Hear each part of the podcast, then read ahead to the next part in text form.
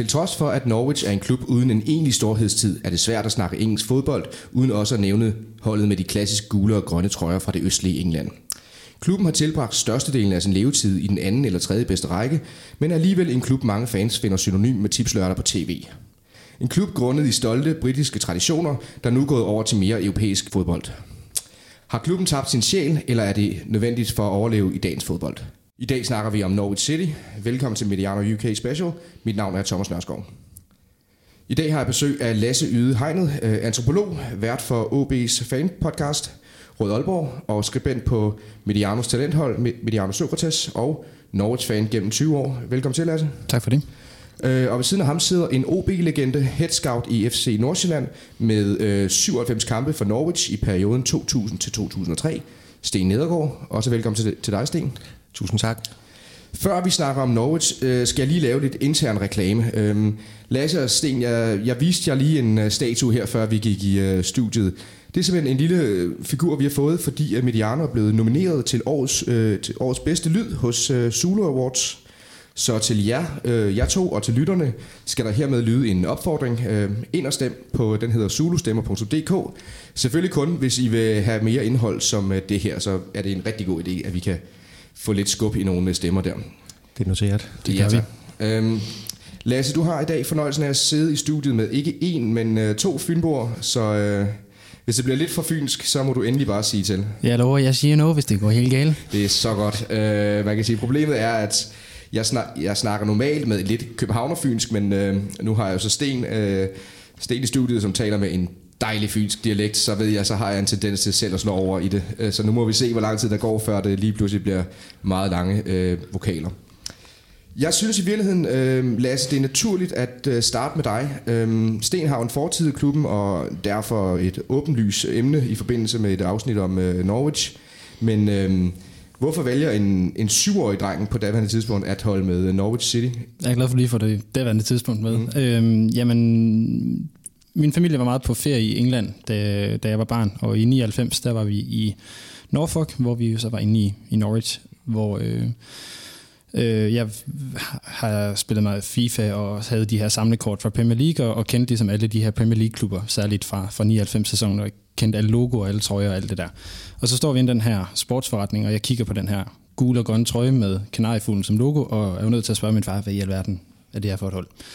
Øhm, det skal også lige siges til øh, lytteren, at... øh, Lasse er også mødt op i en, øh, ikke en, men to øh, Norges trøjer. Både en fodboldtrøje og en lækker, jeg hvad hedder sådan noget? En, øh, en retro træningstrøje, tror jeg. Retro træningstrøje. Det ser virkelig flot ud. Det kan være, at vi lige får taget et billede bagefter med dig og Sten, så vi ikke uh, smider op sammen med. Man kan, man kan næsten fornemme uh, Robert Fleck i den, vil jeg sige. Undskyld, jeg afbrød. Ja, det, det er så i orden. Jeg vil sige, jeg har 26 Norges trøjer derhjemme, så, det, så der, har været, der var rigeligt at vælge mellem det, inden jeg tog afsted.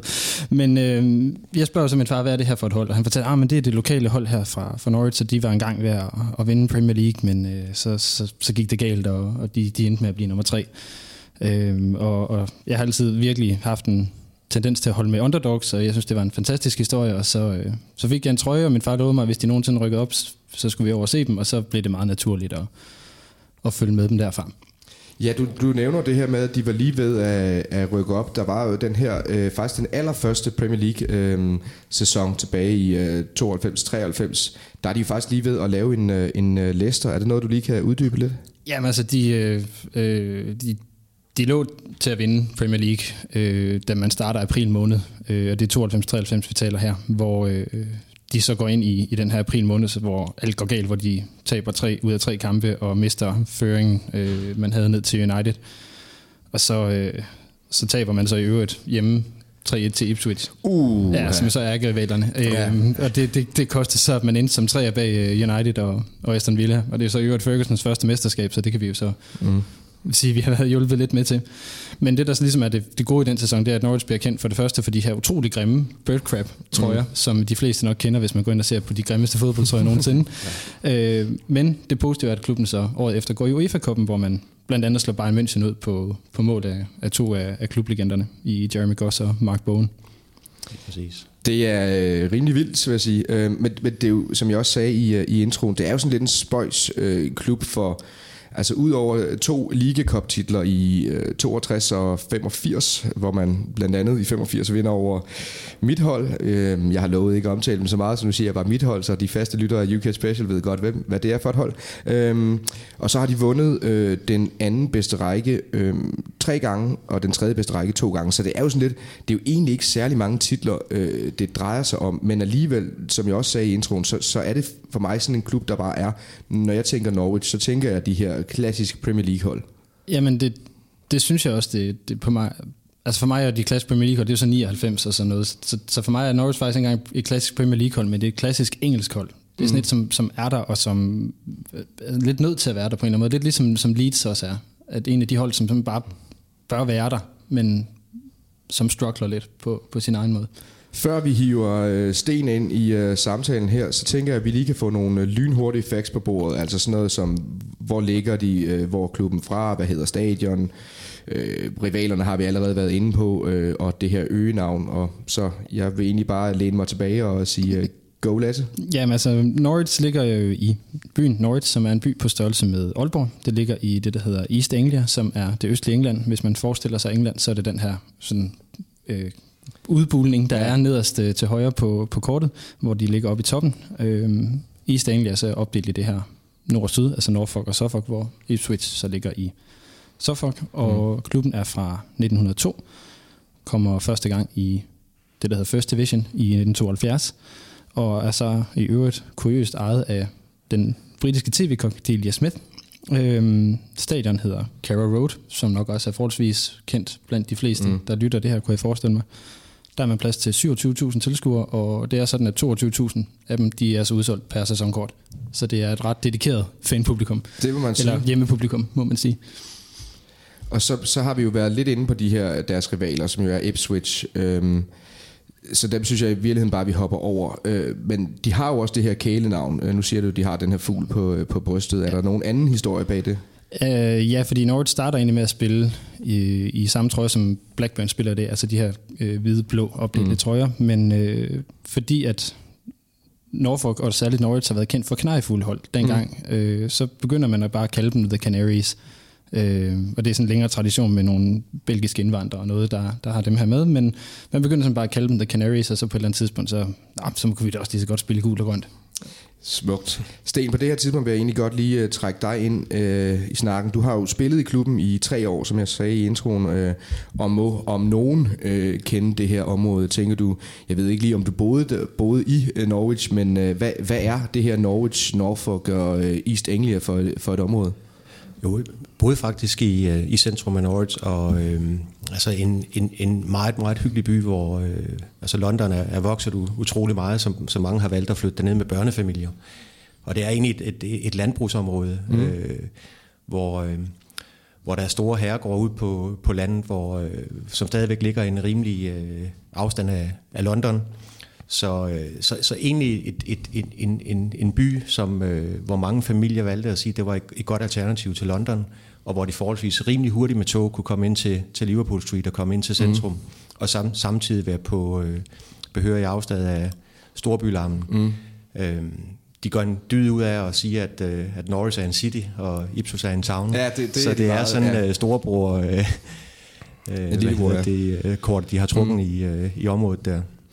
Øhm, jeg, jeg plejer at spørge de folk, jeg har, jeg har inde i studiet, både fans og også spillere for den sags skyld, om, altså der er jo nogle klubber, der har en særlig sjæl. Øh, har Norwich noget, man siger, det det, det, det, det deres sjæl er, øh, eller hvordan?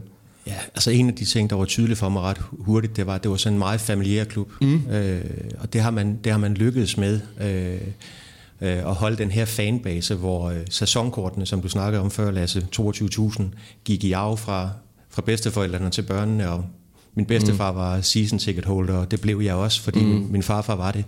Og, øh, og nu her er det faktisk svært at, at opdrive købebilletter til deres kampe, og har været det igennem mange år. Så den her store opbakning fra det lokale, hvor de kun føler, at der er én klub i byen, som mm. man bakker op om, øh, var en af de ting, som, som skinnede tydeligt igennem. Jeg kan huske, jeg havde, da jeg havde øh, Steffen Dam inde til at snakke om øh, Wolverhampton, sagde han også, at det var det her med, at man kunne mærke i byen, altså om, om man havde tabt eller vundet. Det var sådan hele ugen, kan du mærke sjælen, fordi det er kun den ene klub, man nu øh, lige bakker op om i den by. Jeg går ud fra, at det har været noget lignende øh, derovre. Jamen det var det, men jeg, men, men jeg følte egentlig, at øh, det var en utrolig lojal opbakning. Mm. Altså øh, hvis, hvis indsatsen stemte, altså det var næsten, øh, altså øh, hard work never yeah. comes into question, yeah. i forhold til det, så, så var det et tilfreds publikum, øh, som jo historisk set næsten altid var stærk hjemme. Øh, primært måske også på grund af den her øh, gode opbakning, mm. der var. Der var ikke de her... Øh, i løbet af 45 minutter, hvor de var på nakken af, af holdet, så fik man det at vide i, i pausen der. Så, så helt vildt positiv øh, opbakning, som man lige nu kan relatere til håndboldlandshold, hvor meget det betyder at have ja. den der ekstra 12. mand ud på. Sådan, og, og, det følte jeg fra dag et, man, man kom i klubben og følte, at det var et sted, hvor, hvor man kunne præstere godt. Vi sad og havde en telefonsamtale i øh, går, øh, hvor du også fortalte mig om at det her, at, at historisk set, øh, for det var ikke noget, jeg var klar over, men at historisk set har Norwich været en klub, hvor man gerne ville, i mangel på bedre ord, spille fodbold. Altså sådan lidt mere, øh, ja, Arsenal-agtigt. Ja, fordi det er, et, øh, det er lidt undervurderet. Altså, de har haft et akademi, som har konkurreret på lige fod med, med Chelsea og med Arsenal. Og, altså både Ipswich og Norwich har præ, øh, hvad hedder det, øh, produceret et, et hav af dygtige spillere. Chris Sutton, Craig Bellamy, mm. Darren Bent, og som meget er kommet ud fra Suffolk og Norfolk-området. Derude, hvor de har haft et stærkt akademi, og har måske lukreret lidt på, at, at vejen til første hold var, var kortere end, end, end de større, mm. end de større øh, klubber øh, tilbage i tiden. Den første kamp, jeg faktisk så, var, øh, var med det danske U21-landshold i, i London, hvor, hvor jeg så dem på, på udbane mod Highbury, hvor, hvor Chris Sutton og Rule Fox og, og de her typer, de, de rendte rundt, som var eget, egen, mm. egen producerede spillere, som, som kom igennem der. Og det har, øh, øh, det har de været dygtige til.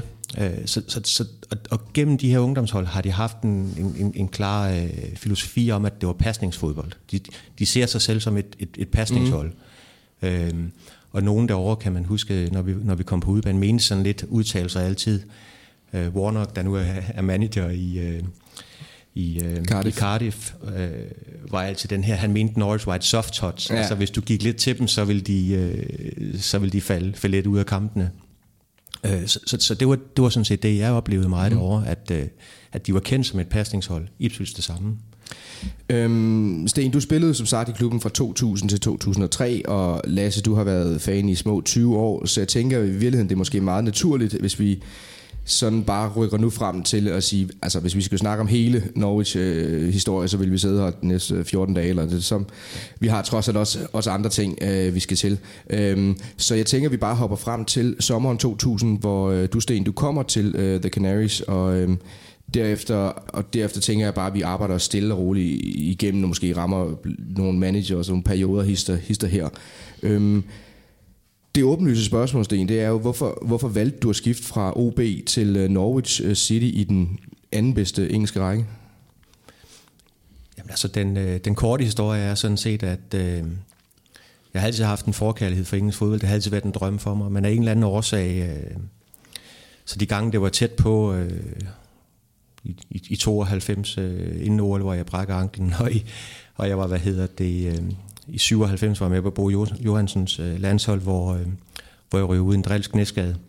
Ja, okay. øh, og vi har haft nogle, nogle fornuftige år med OB i starten af 90'erne, hvor, øh, hvor det bliver til slutningen af 80'erne guld, sølv og bronze, og langt i Europa, faktisk samtidig som, som Norge havde deres storhedstid med, med Odense, var ude at spille, spille internationale kampe.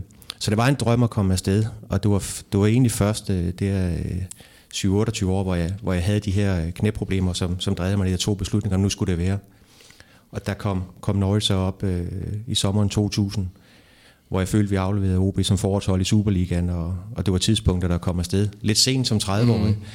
Mm. Øh, og jeg havde sådan også den realisme med, at, øh, at hvor jeg stod i min karriere, der var øh, lidt over bunden i, i Champions League, var et, var et sted, hvor jeg måske kunne være heldig at få spilletid.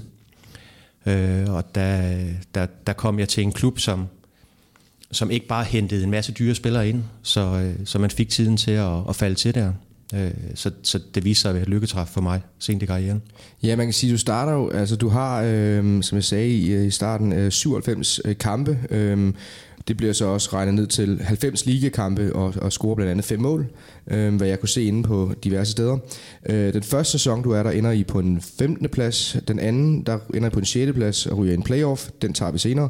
Og så øh, sidste sæson, du har der, ender I på en 8. plads. Øh, hvordan var det at, øh, at spille i, i England? Jeg tænker specielt championship på det her tidspunkt. Det må være rimelig hård øh, øh, tough business, eller hvad man nu skal kalde det. Jamen, det var det helt sikkert. Øh, som Lasse så flot gennemgik lige før, så, øh, så var det med til historien 2-93-hold, der hvor de bliver træer efter United i, øh, i Premier League. Der sker der jo det med Heysel-katastrofen, hvor de engelske hold bliver udelukket af det i fem år. Mm. Og den rammer den rigtig hårdt, som jeg har hørt det og fornemmet mm. på klubben derovre, at de bliver udelukket, og de havde kalkuleret med deres indkøb og, og de ting i forhold til at spille europæisk. Og det, det, det sender dem sådan lidt på en, en det afte der i forhold til at at kunne øh, holde økonomien gående samtidig med at hente de bedste spillere. Og derfor så bliver det sådan lidt en blød mellemvare i, øh, i championship fra tror, Lasse, det er ja, måske det, det, det er midt-90'erne, hvor midt, midt 90'erne de, til. Altså, de sælger blandt andet Chris Sutton, som er det her store mm. angribernavn, som er det ikke Blackburn, han ryger til, hvor, jo. hvor han jo bliver mester sammen med Alan Shearer og, øh, og det Blackburn-hold mm. der. Og så går det lidt nedad derfra netop, fordi Lige, lige præcis, lige præcis. Og Ipswich har kæmpe optur og gør det godt i Premier League. Det gør jo kun faktisk, endnu mere ondt. Ja, det gør endnu mere ondt. Så øh, kom over til et hold, som et eller andet sted kan lave så mange resultater i, øh, og var vant til at sælge deres, deres bedste spillere. Vi havde Craig Bellamy i truppen, som, mm. som helt klart stjerner og en fantastisk øh, dygtig angriber. Men det, vi kom over, det må alligevel have været en, en ret ung Craig Bellamy. Ja, en rigtig ung. Han havde øh, lige scoret, tror jeg, to mod Danmark i, mm. i parken øh, for Wales som 18-årig, og men en, en, en vanvittig dygtig spiller, jeg er nødt til at sige, og, øh, og ham kunne klubben ikke holde på på det tidspunkt, så jeg tror, de solgte ham for 70 millioner til Coventry på det tidspunkt, og var ligesom med til at redde sæsonen, at vi kunne mm. økonomisk holde os over ja. vandet. Men der var de her, øh, det var stadigvæk et lille budget i forhold til, til mange af, af London-klubberne, der ligger der, og, og, og, og en af dem, der, var, der, der, der, havde, der havde større budgetter, som, så, så, så øh, nummer 18 til 20 var sådan forventningerne, øh, og, og, men for mig var det et godt sted at starte, fordi at, øh, det kunne kun gå fremad. Mm. Det var det, man håbede på.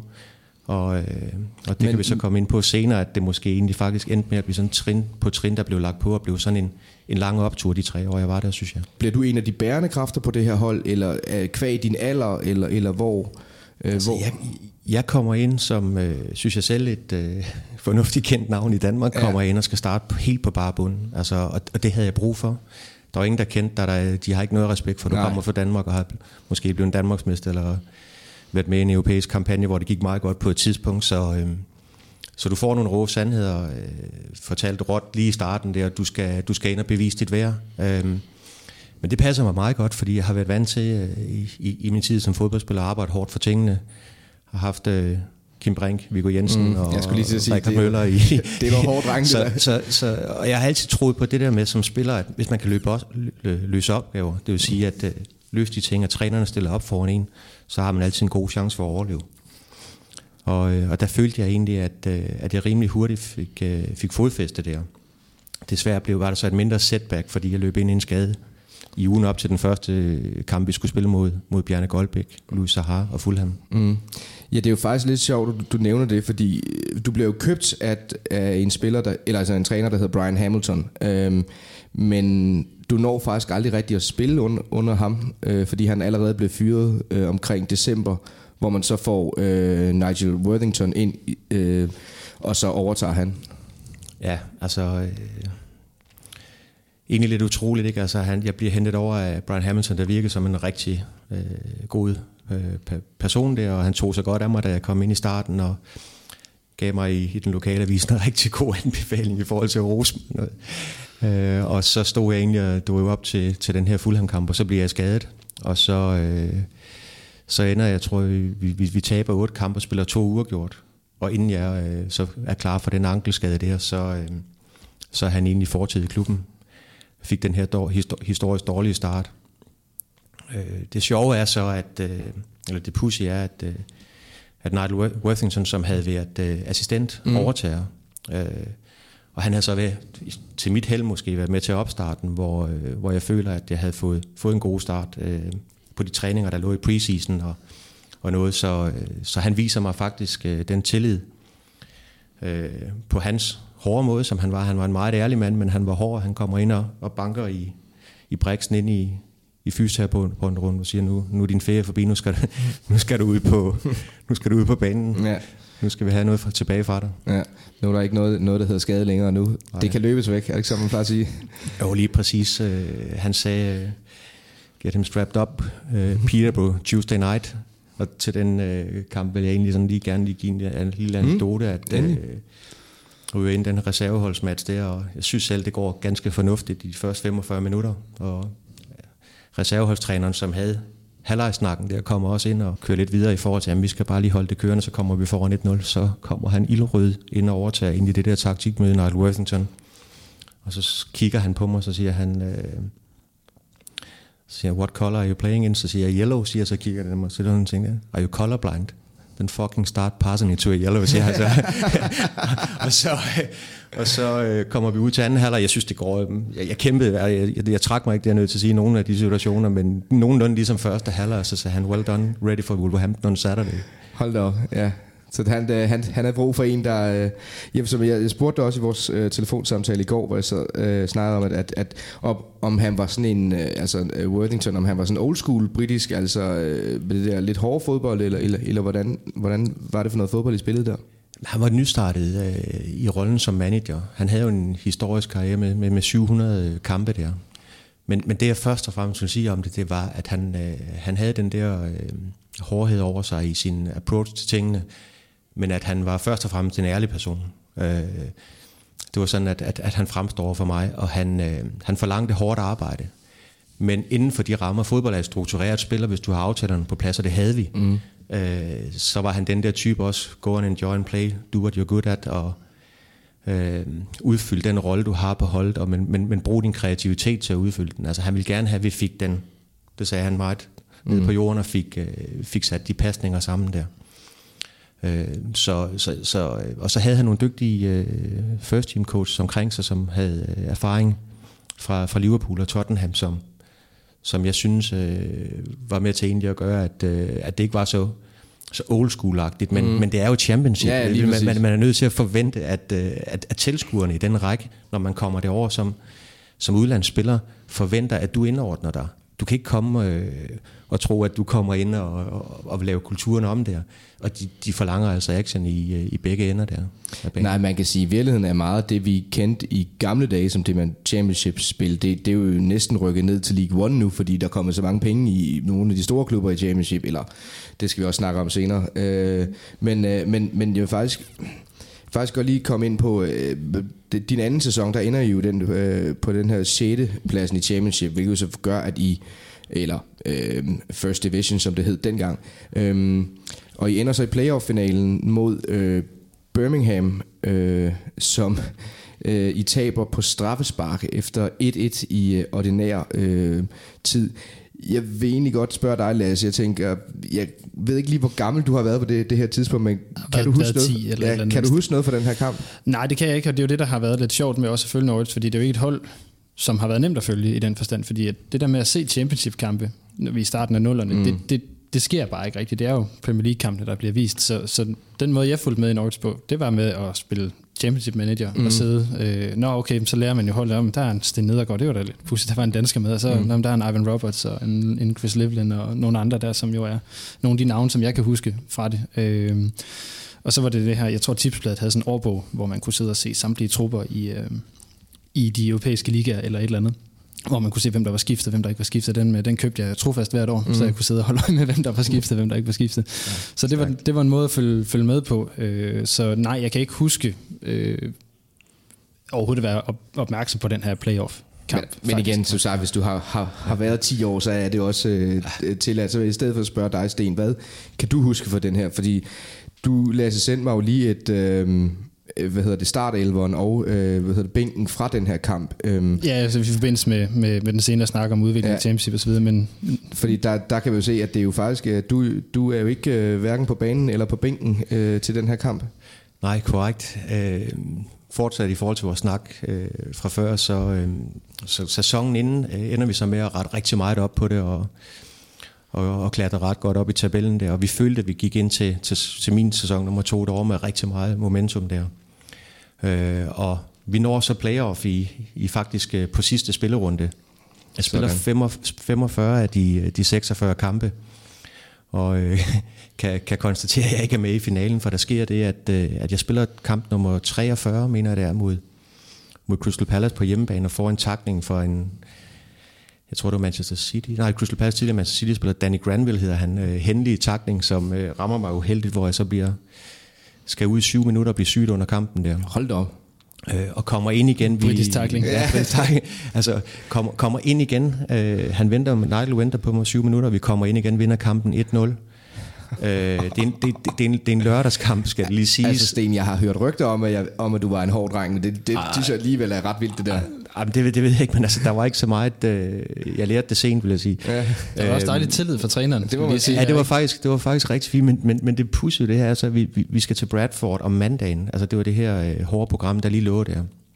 Og... Øh, den vinder vi 1-0 efter en ret dårlig spillet kamp. Vi, vi får resultatet der, jeg var heller ikke selv helt, helt på toppen der. Den kamp spiller jeg også. Så torsdag går jeg så ned i en, i en glidende takning, hvor, øh, hvor der, så, der er noget, der kilder på mit underben der, så, så bløder det lidt dernede og sådan ting, og så, øh, så kommer lægen gående faktisk tilfældigvis samtidig der øh, hen ved, ved, ved, ved klubbens øh, anlæg, der kommer gående ind, og okay, så, så er det så gået op og skal, skal syges en gang til. Og så sidder vi til, øh, til jeg mener, det, det er sæsonens øh, sidste kamp der, på, på sidste udbanekamp, sidder inde i, i bussen klar til at tage afsted. Men, men svimmel og en halssyge og, og sådan nogle ting. Og så kommer han ned, så, øh, så, så kigger han faktisk på mig og sådan ting. Du, du ser ikke helt godt ud, siger han. Og så, øh, så, så bliver, kommer jeg ud på, på, på det lokale sygehus og, og bliver, ender med at blive indlagt i tre uger med, med stafylokokker i benet der. Og, Hold op. Og, og ender op i gips. Så, så desværre playoff-finalen, det er sådan er sådan en øh, speciel oplevelse for mig, samtidig også fordi, at den kom til at betyde så meget for, for den efterfølgende sæson. Øh, jeg mener, at øh, Norris og øh, Birmingham, Karen Brady, som var, var chairman der, og Delia Smith aftaler i porten, at øh, taberen får 40 millioner kroner fra, fra vinderen, fordi forskellen var så stor. Øh, men jo en, øh, en, en, en, en sindssyg afslutning på, på sæsonen der, mm. altså Premier League eller, eller, eller Championship var, hvor, det år, hvor ITV faktisk går konkurs, øh, som, som virkelig rammer den næstbedste engelske række. Så, øh, så fra en fantastisk sæson til, til det her antiklimaks, at øh, så tæt på målstregen, og ja, det var en, det var en lang sommerferie i Danmark, vi var, vi var hjemme på der. Jeg vil lige, uh, lige bryde ind her, fordi der er jo, øh, David Nielsen er jo faktisk med okay. i, uh, i den her startelver. Ja. Øh, og fordi at, at jeg har det ret fedt med David Nielsen det her, fordi han er den eneste spiller, der har spillet både for Norwich og for OB. Så det, og går kommer jo direkte fra Norwich til OB. Men i hvert fald øh, i hans, øh, i hans bog, der har han jo en lille anekdote omkring den her kamp, netop omkring pengene, hvor han øh, fortæller, hvordan han sidder i den her bus og peger sådan på vejen ned på en øh, Porsche, der holder ved en bilforhold, og så siger han sammen, at den der, den, altså, når vi rykker op, så stopper jeg lige bussen på vej hjem, fordi jeg skal lige have den der med. Og så da de, da de kører tilbage, så står der så solgt i forhånden på, på bilen der. Okay. Øhm, hvordan, jeg tænker, det er jo også, det er egentlig ikke noget, vi har snakket om det her, men nu kommer jeg bare ind på det alligevel. Øhm, det, det, det er jo også en klub, hvor der har været en del danskere igennem øh, både klubben, men du ender vel kun med at spille sammen med David Nielsen, fordi det jo Helvig kommer først til klubben bagefter.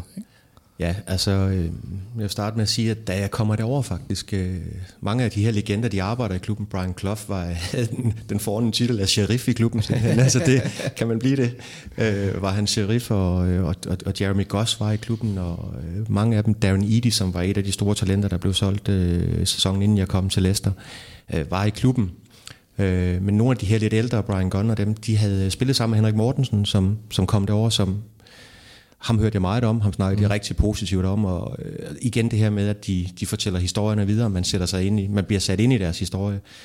Øh, ham havde de øh, virkelig nyt at have i klubben, var min fornemmelse, og jeg ved ikke, om han var lidt uheldig med skader det, men, men præsterede rigtig godt i de kampe, han spillede der. Øh, og så øh, får jeg selskab af David Nielsen, hvilket egentlig var rigtig godt for mig, fordi han har det her øh, smittende humør jo, og altid glad, og og sjov, så, så, så, så det gjorde det egentlig lidt, for vi var stort set de eneste udlandske spillere mm. i truppen der. Ja. Øhm, der, var, der var, da jeg kom derover sommeren 2000, var der to, der havde spillet det europæisk finale for Bordeaux mod Bayern München. To franskmænd, og der var øh, Fernando Dafel, som, som, øh, som, som så faktisk tog til Odense, hvor jeg, hvor jeg hjalp ham lidt mm. videre dertil med, med, øh, på det tidspunkt, hvor, hvor han ligesom ikke kommer ind i billedet som, som unge spiller. Øh, ja, så øh, positivt vil jeg sige. Mm. Øh, og så øh, ender I jo som sagt den tre, din tredje sæson, øh, som også bliver din sidste sæson, der ender I på en 15. plads, tror jeg. Øh, skal jeg lige tænke med fedt. Nej, var det ikke 8. du sagde? 8. plads, jo, det er rigtigt. Øh, der, ender, ender de på en 8. plads. Øh, og så vælger du faktisk at, øh, at tage tilbage igen til Danmark, og hvorfor tog du tilbage igen? Jamen, der sker det her i, øh, i vinteren 02-03, at øh, jeg, jeg, får, jeg får en større fiberskade. Øhm, vi ligger nummer et i, i Championship faktisk. Vi starter med efter øh, nederlaget i, i playoff-finalen, det er at vinde otte kampe, tror jeg, i starten, og får en fantastisk start, og så ryger jeg ud med den her skade der, og, og snakker med, om, omkring forlængelse, og bliver så, hvad hedder det, øh, kontaktet af, af, af Kim Brink og OB 1. januar og 2. januar. Det er starten af det nye år, og, og det var en, det var, har altid været en drøm for mig også ligesom at komme hjem og give det sidste tilbage til den klub, som havde givet mig chancen i første. Øh, altså som unge spiller. Øh, og øh, øh, jamen, så ender det så faktisk med, at jeg kommer tilbage, øh, efter jeg har signeret den kontrakt med OB. Øh, Øh, Norge var lidt i venteposition på grund af det her med ITV i forhold til det, at, at jeg havde signeret med OB, og så kommer jeg tilbage og, og, og scorer et par mål i, i de afgørende kampe, efter jeg egentlig er på vej hjem til Danmark. Så øh, som de skal, de skal til at bygge stadion om. Det havde jeg prøvet en gang tidligere i Odense, at øh, den ene langside var lagt ned, og, og det, det, det skræmte mig sådan lidt. Mm. Øh, så et, øh, en, en, en masse, øh, også nogle lidt personlige overvejelser, mm. øh, trak mig hjem af den, øh, den sommer der øhm, så går det jo ikke værre bedre, end at holdet faktisk i sæsonen efter øh, i øh, 03-04, der vinder de faktisk First uh, Division. Øhm, du snakkede lidt om det her med, at man havde bygget flere og flere lag på. Øhm, var det en naturlig ting, at man på daværende tid vandt First Division, eller var det mere sådan et, uh, et hosa-ting, eller hvad man kan kalde det? Det er et spørgsmål til jer begge to, forresten. De havde, de havde, klubben havde et rigtig sundt fundament, det havde været opadgående gennem længere tid, og øh, et, et, et godt omklædningsrum øh, med gode ledertyper, gode, øh, med de rigtige værdier, og der blev trænet godt, og, og, og de ting, så de havde fundamentet på plads, det var et godt, et godt miljø. Øh, og så bliver der faktisk tilføjet øh, tre spillere øh, sent øh, ud på, på foråret der i, øh, i Darren Huckabee. Ja, jeg skulle sige, han, da, han må blive nævnt i den her, den her række. Da, Darren Huckabee, Peter Crouch og øh, en, en, en tredje spiller fra, mm. fra en høj hylde kommer ind i det forår eller kommer ind i efteråret der. Øh, Sin meget ung Peter Crouch. Ja, ja. ja, en ung Peter Crouch der, og, øh, og, og, og løfter Norris offensivt det sidste stykke til at, at spille sig op sæsonen efter. Jeg vil sige, hvis man... Øh hvis man har spillet de der de gamle championship uh, manager spil, så ved man også godt, hvem Darren Huckabee er. Det var, han var eddermame god. Jamen, han, var, han er jo en af de sådan helt store Norwich legender, og det er egentlig ret ja. imponerende, at han er blevet det, fordi han var der faktisk ikke i så lang tid. Nej, men, men uh, en, en, en, en vanvittig dygtig spiller, og uh, en, som også bare tog den her Norfolk lifestyle til sig, som de, de hylder lidt sådan lidt... Uh, lidt øh, landlig londonsk øh, stil og øh, faldt 100% ind i, og jeg har vel stadigvæk en rolle som ungdomstræner i klubben der. Ja, det mener han er. Ja. Til trods for, at han også kunne have valgt større klubber til, til højere lønninger og sådan ting. Det er, det er en af de ting, de også ligesom har sat pris på at tog. Altså han var ydmyg i forhold til at komme til Norwich. Altså den havde sådan lidt en... Øh, en, en, en øh, det var ikke på grund af pengene, man valgte Norwich øh, som, som ingen spiller. Det var lidt på grund af den gode by at, at leve i, og øh, gode omgivelser. Øh, færre skyer end i London, altså ude på østkysten. ja, lidt mere vind til gengæld, men, ja. øh, men det blev kaldt sådan lidt Costa del Norwich, øh, som i forhold til, at, øh, at ja, Øh, har du nogensinde fortrudt, at du, øh, at du rejste, eller, eller var det mere bare en naturlig, øh, ja, et naturligt valg for dig? Man kan, ikke, øh, man kan ikke fortryde nogle ting. Der var nogle omstændigheder, øh, også uden for, øh, for mm. banen, som gjorde, at, at der var, der var altså, jeg skulle have en nogenlunde hurtig afklaring på det, og øh, OB var, var, var på vej i, i fremdrift på det tidspunkt der, og, og ville gerne hjem og, og give det sidste også, og, øh, så, øh, men, men det var svært at komme hjem, vil jeg gerne sige. Okay. Altså, det, det, det, det er altid en svær... Øh, hvad hedder det, udfordring som dansk spiller at komme hjem til noget, man har haft succes i tidligere. Øh, og, og, og, og jeg, jeg var i så god gænge på det tidspunkt i Norge, der noget, at, øh, at jeg godt nogle gange kunne have tænkt mig, jeg fortrød ikke, at jeg tog hjem overhovedet, Nej. fordi jeg mødte en masse fantastiske mennesker, også i den trup, jeg kom hjem til. Øh, men jeg vil godt have set de to år, hvis jeg havde, havde taget det tilbud, der lå foran mig, hvad, om man var blevet en del af det der drøm om at spille Premier League, som jeg jo ikke nåede, mm. øh, om man kunne i en sen alder have, have hængt med der. Vi også, øh, vi snakkede lidt om, øh, det her med, at man specielt på det her tidspunkt i 3-4, hvor der jo, som Lasse du også var, var inde på i den her, der er der jo ikke så meget fokus på, på et championship i, altså som der for eksempel er, er, er nu. Altså vi sidder her i, en, øh, i Mediano, en øh, podcast, og sidder og snakker om en klub i championship, men dengang, så jeg tænker også, det må have været noget, da du kommer hjem til OB, det, selvfølgelig er det den fortabte søn, der kommer hjem, men det er også lidt, Nå, nu, hvor, er, hvor har du egentlig været henne? Hvad har du lavet? Eller, så, så, sådan, sådan var det faktisk. Ja. Altså, da, jeg, da, da jeg spiller kamp nummer to, ikke, vi vil, altså, altså, så, så kunne man godt fornemme, at det var det der med, at man var blevet en ældre spiller. Noget. Jeg ville egentlig gerne hjem og vise, vise at jeg, jeg følte, at jeg var blevet en dygtigere spiller. Ja. Øh, så det var egentlig ikke... Øh, det var i hvert fald ikke for, for personlig vindingsskyld, at man tog hjem. Det var ligesom for at være, være, være lojal mod de rødder, som jeg også har givet en et eller andet. Øh, men, men jeg tror faktisk, det havde været lettere at, at fortsætte i det moment, som man var i fordi tilvældningen til at komme til England var stor, men det var del med også øh, stor at komme hjem, specielt måske fordi man har været ude og se nogle andre ting, hvordan tingene også kan gøres. Øh, og så kommer man hjem lidt i, øh, i hvad hedder det, i, i den danske andendam igen, mm. hvor jeg synes, at tingene øh, øh, havde udviklet sig rigtig godt, men der var også stadigvæk øh, mange ting, hvor man, man, man havde følt, at man var virkelig tæt på, på, øh, på tænderne. Altså mm. fordi at man, man, man bliver bare bedre, hvis man spiller for, for 30-40.000 hver, hver weekend i forhold til, at, øh, at du spiller for, for 2000. Altså den atmosfære er jo det, som der trækker rigtig mange øh, spillere til engelsk fodbold, og som også har gjort mange fans passionerede. Altså den atmosfære, og, og, og det gør bare, at det hele ser bedre ud, for der er så mange dygtige spillere i den danske liga, som ville se bedre ud, hvis vi havde de kulisser mm. uge efter uge, tænker jeg. Det synes jeg er en rigtig god pointe om, og den synes jeg i virkeligheden bare, at vi skal lægge låg på øh, Nigel Worthington, øh, som øh, din, din tidligere træner. Han stopper som træner i oktober 2006, og man kan sige indtil øh, Paul Lambert, som vi skal snakke om øh, lige om lidt, øh, han tager over i 2009. Der har man en, en sådan en lidt en mellemperiode på tre år, hvor man har, så vidt jeg kan, jeg kan tælle, seks forskellige øh, managers, og man ender faktisk med at rykke ud af championship i øh, 08 09. Og så kommer der den her genopbygning under øh, Paul Lambert. Øh, Lasse, kan du ikke øh, fortælle os lidt om det? Jo, øh, altså for lige at træde et par af de skridt tilbage, mm. som du egentlig har ridset op. Altså man har den her virkelig, virkelig forfærdelige sæson under Glenn, Glenn Roder i, øh, i 08-09.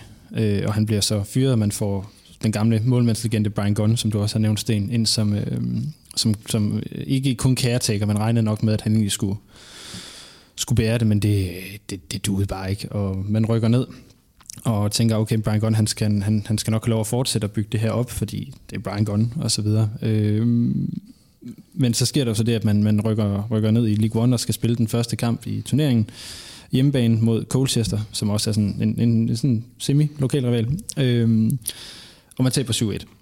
Åh oh, nej dog. Velkommen til League One. Ja, det, det smadrer jo en masse forventninger, ja. og fansene bliver, bliver rasende. Der er folk, ja. der springer ned på banen og løber ned og river deres sæsonkort, i, som vi kan høre fra Stens fortælling. Det er ja. altså ikke lige noget, man bare lige gør. Nej. Og springer ned og river sæsonkorten i stykker for næsen af, af Brian Gunn dernede. Og han bliver så også fyret forholdsvis hurtigt derefter. Og så går der så fem dage, og så har man så ansat Colchesters træner i Paul Lambert. Og så går det kun én vej. Ja, man kan sige, det er jo, det er jo et helt... Altså, jeg, kan, jeg kan faktisk huske den her historie med, at man, at man hørte, at man tænkte, Norwich lige rykket ned og tabte 7-1, og så det næste, man hører, det er, nu har de forresten ansat den her manager for det hold, der lige har taget dem.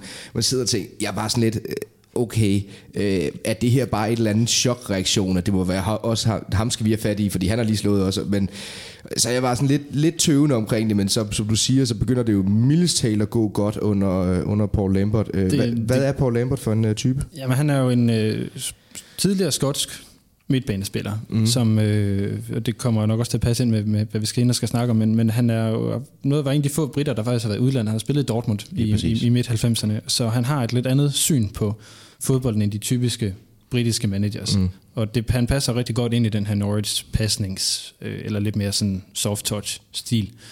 Øh, og jeg ved ikke, hvad det er, han sådan teknisk ja. eller taktisk eller mandskabsmæssigt, der kunne, men der kommer bare en helt anden stemning med ham som, som træner. Øh, I løbet af de, de her to år i Ligue 1 og i Premier eller i Slår i Championship, der taber man det faktisk, eller man, der er aldrig To nederlag i Ja, træk. to, aldrig to nederlag træk. Det er lige præcis det, det er. At, og det er jo ret unikt, at man over to sæsoner kan gøre det. Ja, ja, det er jo ret vildt, fordi hvis du sidder og kigger på Paul Lamberts periode i klubben, så er han, faktisk, er han der faktisk kun tre år, øh, fra den øh, 18. august øh, 9 til den 1. juni 12. Men i de tre år, der, der præsterer han altså at vinde øh, League One hans første år, blev nummer to i, øh, i Championship hans andet år, og hans tredje år, der efterlader han øh, Norwich liggende på et, øh, en 12. plads. I Premier League. I Premier League, ja. Ja, ja. Og, og, ikke bare det, han har altså også bare fået et fået opbygget et hold af, som den her, jeg, jeg tror, I vil lægge mærke til i løbet af det her afsnit, vil I komme til at høre det her, den britiske, der er meget britisk ind over øh, Norwich, øh, lidt, det bliver også en pointe til allersidst, når vi skal snakke, snakke Daniel Farke, men det her, på den, mange af de her, de startopstillinger, han har, der er der jo altså spillere fra Low League, øh, eller fra øh, hentet i, ja. i øh, League 20, eller længere nede, eller spillere, der ikke var gode nok til øh, championship, som han simpelthen får ind på hans hold, og de er næsten alle sammen det, det at de har en eller anden form for et britisk øh, pas til, øh, til fælles. Ja, altså det, det var fordi vi kan lige så godt starte på den snak, som vi ender med med Farkos. Altså det er jo, for mig er det rigtig meget et, et identitetsspørgsmål, og det ligger også rigtig meget op i det, som jeg synes, du har været inde på, Sten, med at det er det her lidt familiære, og vi skal have, vi skal have britterne ind, og der er jo nogle, altså, nogle fantastiske navne i det, en, en Wesley Houlihan, mm. øh, en Grant Holt, øh, Russell Martin, så videre, som begynder at blive stammen på det her hold, og, og, og de er gode til at hente de her sådan, britiske altså fodboldintelligente britiske spillere ind. Man øh, ripper jo fuldstændig Leeds blandt andet for jeg, midtbanespillere. skulle, jeg skulle lige til at sige det, hvis du sidder og kigger på. Johnny Housen og jo, Brad- Robert Brad- Snodgrass, er han ikke? Ja, Bradley Johnson. Johnson. Ja, ja. Øh, og det er jo fordi, jeg har, man kan gå ind og lytte. Jeg har allerede lavet et uh, afsnit med Leeds. Gå ind og lytte, okay. så kan I få høre, hvorfor man, man kunne ribe Leeds på daværende tidspunkt. Uh, det vil jeg da godt lige lave det re- re- reklame for. Men det er rigtigt, de, de rib, det er, det er jo altså bare the best of the best af, af Leeds midtbane, der bliver snuppet. Og det er jo fair nok, fordi Leeds var jo øh, endnu mere kaos, så det er jo, det er jo, det er jo et godt tidspunkt at snuppe dem. Det er det, og Lambert har, øh, være, du har hørt lidt mere indsendt derovre fra Sten, men, men han, han var enormt god til at bygge det her hold, og så har han i øvrigt også, øh, øh, Norwich har egentlig også været lidt heldig med nogle gode målmænd i, til tider, man havde Robert Green blandt andet, mens du var derovre, ja. og så får man så John Roddy, som jo også ender med at være tredje målmand til nogle VM. Eller Jeg tror, han får et par kampe Ja. på landsholdet. Så, så det, er jo, det, det er faktisk et rigtig, rigtig solidt britisk hold, man, øh, man kører med. Sten, Sten, du snakkede lidt om, øh, at, at ja, du var derovre, da Robert Green han kom op på førsteholdet. Hvordan var det? Jamen, altså, det var et øh, altså, fantastisk målmandstalent. Mm. Øh, de havde faktisk Andy Marshall, som øh, I sikkert også husker fra Aston Villa og andre Ja, ja, målmandstrænere derovre, som, som var en rigtig dygtig målmand. Men det stod lysende klart, at, øh, at Robert Green som, øh, som, som 19-20-årig var, var, var den her Schmeichel-type, en, et fysisk pragteksemplar på, på, på 1,90, som, som kastede sig som en, øh, en vorhar ind i, i, i mål der. Det var, det var næsten utroligt at se ham kaste sig rundt derinde. Og i, i de år, hvor jeg var der, var, øh, var, der, var, var de største klubber på ham. Mm. Uh, han får ikke helt landsholdskarrieremæssigt uh, det ud af det, på grund af, at han laver den her uh, eklatante fejl mod er det Ukraine, hvor han Ja, det var, var det en slutrunde, det var, det var ikke godt. runde, Ja, ja, og som, som måske lidt synd for ham i forhold mm. til det, den, altså, den engelske landsholdshistorie, ikke har fået det øh, eftermæle, han burde have, fordi det var en, øh, en meget, meget talentfuld målmand. Og de har hele tiden haft ungdoms øh, i Joe Louis og Declan Rod og mange andre øh, mm. engelske ungdomslandsholdsmålmænd, som de har sendt videre i systemet, så de har altid haft en dygtig målmandsskole der. Det er jo også, altså det, det er sjovt, fordi man kan jo faktisk, der, er- der, man kan bare se, der er nogle klubber, øh, der kommer der de her, om det så er, lad os sige, der er ingen, en eller anden klub, der ved man for eksempel lige nu, er der en øh, Barnsley er rigtig god til at have, hvad hedder det, central forsvarsspillere. Gå derned og købe en central forsvarsspiller, så, så er du ret sikker på, at du får et eller andet, blandt andet John Stones er dernede fra, og så mange andre. Øh, men og, som du siger med Norwich, øh, hvis man sidder og kigger tilbage på deres målmænd, også bare, de havde en periode, hvor det var Robert Green, John Roddy og Declan Rod, der var der på samme tid. Ja. Så jeg kan prøve, en hver kunne være næsten starter for en hvilken som helst anden championship-klub mm. øh, på daværende tidspunkt. Det er sådan helt vildt.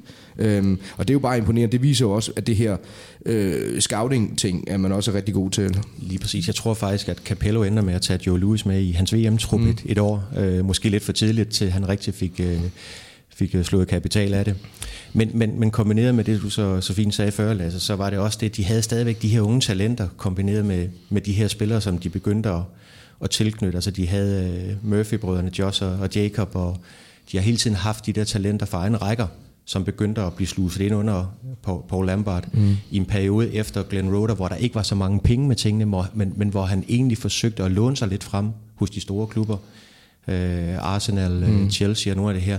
Dygtige spillere, Ryan Bertrand, og mm. øh, jeg tror Harry Kane var sågar ja, Kane, på, Kane var også på lån, det er på, på, på lån i Norwich på et tidspunkt, og, og det var ikke sådan, han... Øh, han bare brændte 100% igennem der, fordi de engelske klubber ville gerne sende, øh, altså Arsenal, ja. Wenger dem sende til Norwich, fordi de vidste, de ville komme til at spille fornuftig ja. fodbold.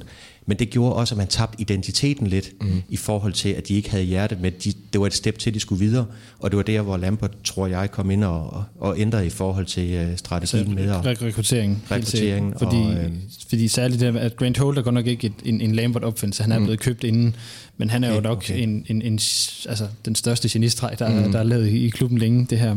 Altså, ja. Jeg ved ikke nødvendigvis, hvor god en teknisk fodboldspiller han var, men han kunne score med alt. Ja, jeg vil, altså, jeg vil sige, jeg har altid set ham lidt som en, øh, en ikke lige så teknisk begavet som en, øh, som en Morten Skovbo, men lidt af det der med, som også kunne, kunne, ja, ja. kunne takle en, en bold i mål. Øh, virkelig dygtig til det og scorede rigtig mange mål, øh, selvom det ikke altid så så godt ud. Og det er jo mange gange sammensætning af et hold, der, der er vigtigt i forhold til at, at rekruttere, altså se, se spillerne sammen. Øh, og kan ikke huske, hvornår de køber Nathan Redmond på det tidspunkt, hvor han faktisk er jo 21 øh, landsholdsspiller. Ja, det er rigtigt. Det, jamen, det er deroppe. Øh, jeg se. Nej, ham har jeg faktisk ikke engang fået noteret på den, øh, den mm. liste, jeg sendte, fordi jeg har faktisk glemt, hvad han hed. Okay. men, men han, han kommer først op i en 12-13 stykker eller noget. Okay, men, men, men de signer på et tidspunkt, hvor de også øh, ligger der Premier League øh, og kommer i Premier League, der signer de øh, en rimelig dyr spiller for en 20-30 millioner i Nathan Redmond men som de senere sælger videre til, til cirka 100 millioner. Og det er jo, det er jo at kaste gode penge efter gode penge. Mm. Altså, øh, og, og det er jo det nogle gange, hvor de så lige pludselig øh, har båret sig rigtig godt af i, i mange år. De er nødt til at være smartere end, end de andre, som har flere penge. Og i de perioder, de har været det, har de haft succesen. Jeg tænker, før vi, øh, vi, vi øh, tager tiden efter Lambert, for der sker jo ikke værre noget bedre, end at han i 2012... Øh, kan man kalde smider, øh, smider bomben og siger, at han gerne vil, øh, vil videre øh, fra øh, Norwich. Øh, og øh, Lasse, du har fortalt mig lidt om, at det var klubben egentlig ikke så interesseret i. Nej, det, det var man ikke, fordi man vil godt vidste, at man havde lidt en, en, en juvel i det, som han var ja. i gang med at bygge. Øh, men jeg tror, Lambert har, har slået mig i den her række som en, en rigtig intelligent manager, også i forhold til hans vil sige, egen karriereplan. Så jeg tror, han, han tænkte Colchester, Norwich et skridt op. Ja. Og så da han afleverer Norwich på en 12. plads, altså efter tre sæsoner i rap. Jeg tror godt, han ved, at det her det bliver meget, meget, mm. meget svært at overgå. Så hvis jeg skal videre til en større adresse, end, end det jeg er på nu, så er det måske nu, jeg skal tage chancen. Så han siger egentlig op for at videre klubben, det vil vi ikke være med til. Men jeg tror også, man finder ud af, at vi nok heller ikke have en manager, som ikke mm. er her, så skifter han til Aston Villa, og det, det tager fansene egentlig rigtig, rigtig ilde op. Man er rigtig, ja. rigtig ked af, at han, øh, han forlader klubben. Rigtig set. Der er jo heller ikke noget værre, end når en, altså en spiller eller en træner, man rigtig gerne vil beholde, øh, siger til dig, at jeg vil egentlig gerne videre. Og så kan du, man kan tage den på den ene måde og sige tak for den tid, tak fordi du har hjulpet os. Problemet er bare, at det ikke altid sådan fodboldfans er. Det er mere, hvordan kan du gøre det her mod os? Nej, og det, var, og det er jo positivt men fordi de, de elskede ham. Ja, ikke? Og de, så, så, så, så, sådan skal det jo være jo. Altså, jeg, jeg tænker for sådan lidt en Ståle Solbakken flashback, altså i forhold til mm. OB-FCK-skiftet, ja. ikke med, at, at, hvordan kunne man dog vælge det, men omvendt skal man netop også bare være taknemmelig for, hvor, hvor, hvor meget man, der blev rykket i den periode, som man, man havde dem. Før vi dykker lidt, øh, lidt ned i livet efter øh, Lambert i Norwich, så vil jeg egentlig godt snakke lidt om det her The East Anglian øh, Derby, eller øh, som jeg nogle steder har læst The Old Farm Derby, hvilket egentlig er meget sjovt. øhm, det er jo selvfølgelig øh, det er jo Norfolk mod uh, Suffolk, og det er jo Norwich mod Ipswich, øhm, som du også lige har sagt, det er jo de to dele, der også udgør øh, East Anglia. Øhm, jeg har været inde og søge lidt op på den her historie med, med det her derby. Er, er der nogen af jer, der kender historien bag det? Ikke 100%, men når du tager hul på det, så kan det være, at jeg kan genkende lidt af det. Jamen, jeg tror faktisk ikke rigtigt, at jeg kan finde noget andet, end de bare er, øh, de ligger der, hvor de ligger, og så manglede de, de nogen at blive uenige med, og så kiggede de på hinanden. Det er lidt af det her derby, der er mellem Brighton og Crystal Palace. De, sådan, de kan ikke rigtig blive enige. Nå, jamen, så er det også to, der, der er fjender, så må vi være det. Men det, som der også er, er lidt pudsigt ved det, er, at det her det går jo langt tilbage. Mm. Øh, det er jo ikke sådan et af de her Nej. nye klassikere, og det er jo, så vidt, så vidt jeg har læst mig frem til, øh, sådan det næst værste, eller sådan næst mest hadefulde opgave, mm. kun overgået af Black Country Derby, som er West Bromwich og Wolverhampton. Ja, det er ondt. Øh, og hvad hedder det, East England Derby skulle være altså, på samme niveau. Mm. Og det er, det, det er meget, det er en, eller du har jo forhåbentlig spillet kamp, nogle af kampene, Sten, så det må du vide. Jeg har faktisk kun øh, spillet en enkelt, fordi at jeg mener, at Ipswich ligger de første to år i Premier League. Øh, ja, det lyder meget rigtigt. Så, så, spiller vi en udebanekamp der, hvor de egentlig var røget ned og, og spiller på, på deres hjemmebane. Og til øh, den, den kamp, vi skulle have haft på Carrow Road, som jeg har set meget frem til, der havde karantæne. Det lyder utroligt med fem gule kort. Hvordan kan man få fem gule kort i championship? Det, det må høre skubbe i ryggen eller et eller andet. oh, Men hvordan var det så at spille? Uh, jeg tror Ipswich hjemmebane. Det Portman Road. Altså, det var, øh, det var jo, altså, der, der er den historie til de to uh, klubber, at begge deres groundsmen blev kåret hver år som den bedste i, i championship. altså hvis I har set Portman Road og Carrow Road, hvordan ja. banerne de står der, så står træningsanlægget på nøjagtig samme måde, wow. og bliver revet op hver andet år, så tager de ukrudtet væk, og så ligger de den en gang til. Så, øhm, så det var, det var da, vi, øh, da man løb ind på Portman Road. Øh, jeg har altid været en stor beundrer af engelsk fodbold, og husker jo også, øh, hvad hedder det, Mariner og Russell Osman og mm. alle de her John Walk, mm. Ipswich-legender, som der var tilbage i tiden, for dem, som man selv havde set, fra man var knægt. Og øh, de sad der også alle sammen øh, i logen øh, og var, var, var i klubben stadigvæk i, i nogle roller. Så, øh, så alt det her, den historie og noget, så var, så, så var det en... Øh, så var det en kæmpe kamp at, at ryge ind til, og, og heldigvis tabte vi den ikke. Øh, men, men senere hen har, og det kan du også øh, sige, altså der har Norris virkelig haft overhånden i de her opgør. Yes. Altså, øh, det, de er helt på den grønne gang. Jeg tror, det er jo en menneskealder siden, at Ipswich har vundet et opgør sidst. Ja, det, det er lang tid siden. Øh, jeg kan ikke godt være, der har været en inden for de seneste, de, de sidste års tid, men mm. ellers er det, er det mange år, fordi det er Norwich, der de sidste 10-15 år har været det, det bedste af de to hold. Og jeg tror også, i forhold til statistikken, jeg tror, de ligger næsten med lige mange sejre. Jeg tror kun, der er tre eller sådan noget imellem. Men, øh, det kan ja, jeg var lige inde og slå den op. Det er noget eller det der. Øh, okay. Jeg har godt nok ikke lige skrevet det ned. Det, ja. ja, men det, det er en to-tre kampes sejrsforskel, der er, men, øh, men der går ikke ret mange år, så er Norwich over, øh, over Ipswich, det er helt sikkert. Øhm, der er jo lige den lille krølle på halen, at uh, Ipswich træner lige nu, han hedder jo uh, Paul Lambert. Det er jo ikke så populært, tænker jeg. det er kun gået nedad for Lambert, siden han skiftede for Norwich, kan man sige. Så. Men hvordan tager, uh, hvordan tager fansene uh, det? Jeg tror egentlig, at de øh, har kun lige set lidt gissninger her de sidste, de sidste altså jeg tænker, de, skal, de, de tænker, at han skal nok få rettet dem op på en eller anden måde, så han får opbakning for klubben. Mm. Øh, jeg har jo selv hørt et uh, interview med, med Norwich' nye chef-scout, hvor han, hvor han har hyldet deres teamarbejde. Fordi det her med at finde spillere alene er jo rigtig, rigtig svært. Det du skal være et team, hvor du arbejder lojalt for hinanden, og du har en god plan. Og det er jo det, der har bragt Norwich til under farke i den her situation, hvor virkelig altså, de har arbejdet sammen på at, at finde de her spillere før andre. Mm. Øh, og der kommer han ned øh, med en fantastisk track record, øh, Lambert til, til Ipswich. Men hvis setup'et ikke er, ja. er klar til at og bare komme op et ønske, eller har økonomien til det, kan det blive svært. Men jeg, tror, hvis de, jeg tror nærmere, det er det sidste. Det, okay. det, det går ikke så godt økonomisk dernede. Nej, men, men, altså, så. en anden ting er også, at, at uh, spillemæssigt har han jo ikke flyttet dem endnu, eller resultatmæssigt har han i hvert fald mm. ikke. De ligger jo stadigvæk, heldigvis for os, mm. øh, rigtig, rigtig langt nede øh, til nedrykning øh, aktuelt. Så jeg tror ikke, man skal undervurdere det her med at komme til en trup i krise, mm. hvad det også kan betyde, og der kan man være rigtig, rigtig dygtig.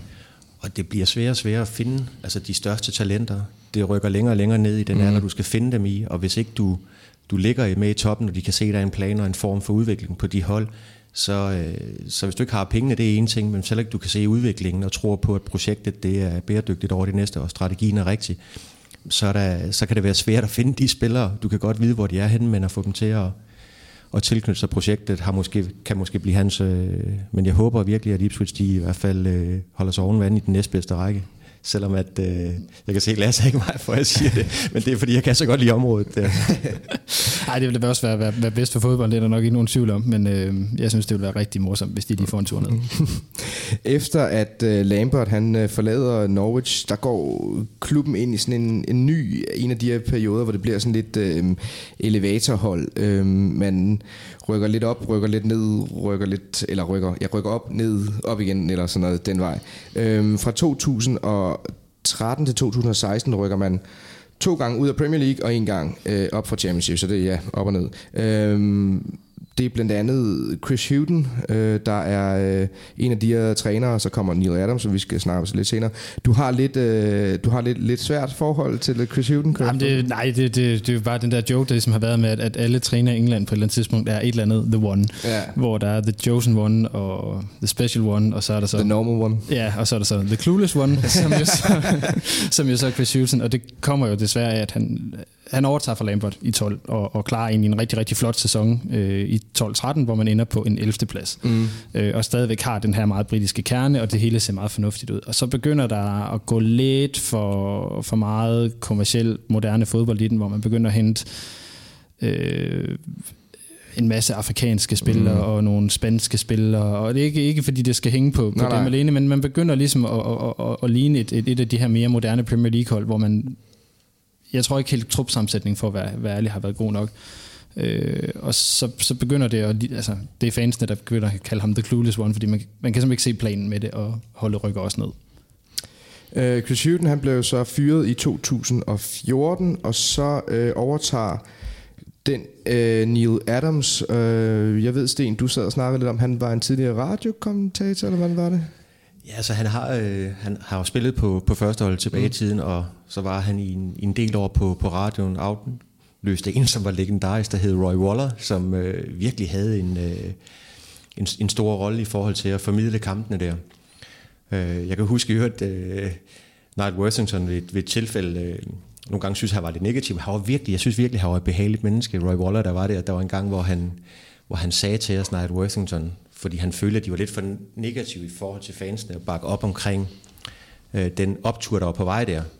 Så sagde han, øh, min kone sidder i på, på en af tilskuerpladserne vi tidligere to, men den ene siger til den anden, kraftigt, man snakker ikke noget ved at gå til fodbold mere. De spiller snart så godt, der er ikke noget broks over. This is what you're up against, altså. Og der mener Roy Waller var lidt hård nogle gange. Øh, men, øh, men, men Roy Waller var, øh, var radiovært, og øh, skulle også være kritisk, når ikke tingene fungerede der. Og der kom Neil Adams ind og skulle være det samme som tidligere spiller, og havde været i akademiet og, og de ting men øh, havde været en dygtig spiller og, og hvad hedder det øh, og har stort set haft anden, alle mulige roller og ligesom Brian Gunn satte han jo den her historie på spil, når man går ind og tager, mm. tager øh, managerrollen der, fordi det bare er øh, måske øh, take it or leave it, ikke? Ja, der får du måske et, øh, et go der, og så kan det godt være, at det er det. Er det. Øhm, og det, der ender jo også den her øh, spøjse situation, at øh, det ender faktisk med, at, at Neil Adams øh, faktisk siger op øh, omkring januar 2015. Og jeg har simpelthen været inde og søge op på det. Vi kan ikke helt øh, finde ud af, hvad, øh, hvorfor det var. Formodentlig personlige øh, årsager eller et eller andet, for han siger i hvert fald op på et tidspunkt, hvor Norwich ligger på syvende pladsen øh, med øh, måske se, hvad har vi her, med tre point op til øh, playoff-pladsen, øh, hvor Brentford ligger. Så det er jo ikke fordi, de, der har været nogen som helst krise på det tidspunkt. Vi, men jeg tænker måske også, at han har været så meget klubmand, at han har kunne se, at der var måske en anden en på vej ind. Det, det var min formodning i hvert fald, mm. fordi at, at uh, erstatningen for ham bliver Alex Neil, som er en af de yngste træner nogensinde ja. i Championship, som blev hentet op fra, øh, fra Skotland, mm. fra Hamilton, fra Hamilton ja, så hvor han, som han også lige har fået til at rykke op. Og, og jeg ved ikke, hvad planen har været fra klubbens side, men det virker lidt som om, at man lidt om havde udsat sig øh, Alex Neil som den her lidt nye Lambert-type, mm. der skulle komme ind, og så ligesom få den samme bevægelse i gang, sådan ja. volume 2. Øh, det, det lykkedes han så også med, fordi at klubben rykker op, efter mm. at Niels kommer til, og, og spiller egentlig en, en, en, en okay sæson i Premier League, men, men ender med at, med at rykke ned desværre til sidst. Ja, de rykker op øh, på tredjepladsen i 14-15 sæsonen. Øh, Slår Middlesbrough i playoff. Lige præcis. Øh, og der kan vi så snakke om igen det her hold. Øh, den første playoff, øh, som Sten så desværre ikke var med til i 2002, der var der jo kun øh, én øh, udlænding på, øh, på banen og på, øh, på bænken. Det var David Nielsen. I det her 2015, der er der tre udlændinge i startopstillingen, og man kan sige, det er ikke et stort skift, men det er stadigvæk en, et tegn mod, at der er ved at ske noget. Altså det er så Sebastian Basson, folk måske kan huske svenske øh, Martin Olsson og norske Alexander Tete, så, og hvor jeg tror faktisk, jeg ved i hvert fald, at Tete stadigvæk er i klubben. Men... Det er, han har været, var der også længe inden, ja. øh, så det her det er sådan resterne af det her Houghton, mm. øh, moderne Premier League-koncept, hvor Basson jo egentlig kom ret tidligt ind. Men det er, jo, det er jo så det, som der gav ret meget, i hvert fald personligt for mig, øh, rigtig meget optimisme omkring Alex Niels projekt, det var, at det så britisk ud. Det mm. lignede det Norwich, ja. man kender. Jeg vil også sige, øhm, altså det her, det, det er øhm, spørgsmål, jeg i virkeligheden kan stille jer begge to, både en mand, der har været i klubben, og en, der har holdt øh, klubben rigtig, rigtig længe. Det at være et britisk hold, er det noget, man er særlig stolt af i, i Norwich, eller er det, vi skal have, vi skal vinde noget, eller øh, det har de så ikke gjort så meget af, så men, ja. Øhm, ja, mit indtryk er, at, at, øh, at det er vigtigt at være, altså der, der ligger helt klart noget identitet i det. Omvendt så er der også en, en, et, en stor tørst efter at vinde noget. Øhm, der, der var i, i en lang periode, det kan godt være, de stadigvæk er der, men nogle diskussioner omkring, skulle man bede Delia Schmidt om at sælge klubben, så man kunne få en, en udenlandsk penge tank ind, som bare kunne øh, hælde penge i klubben, så man kunne komme op og, og ligge, hvor det var sjovt. Fordi der var mange, der, eller det var sådan lidt fornemt en 50-50, om man, man gerne vil gå efter øh, titlerne, eller man vil sige, at vi er faktisk rigtig, rigtig gode, som vi er. Jeg vil sige, det er også en rigtig, det kan måske til, til et andet afsnit, men det er en rigtig farlig situation at sætte sig selv i.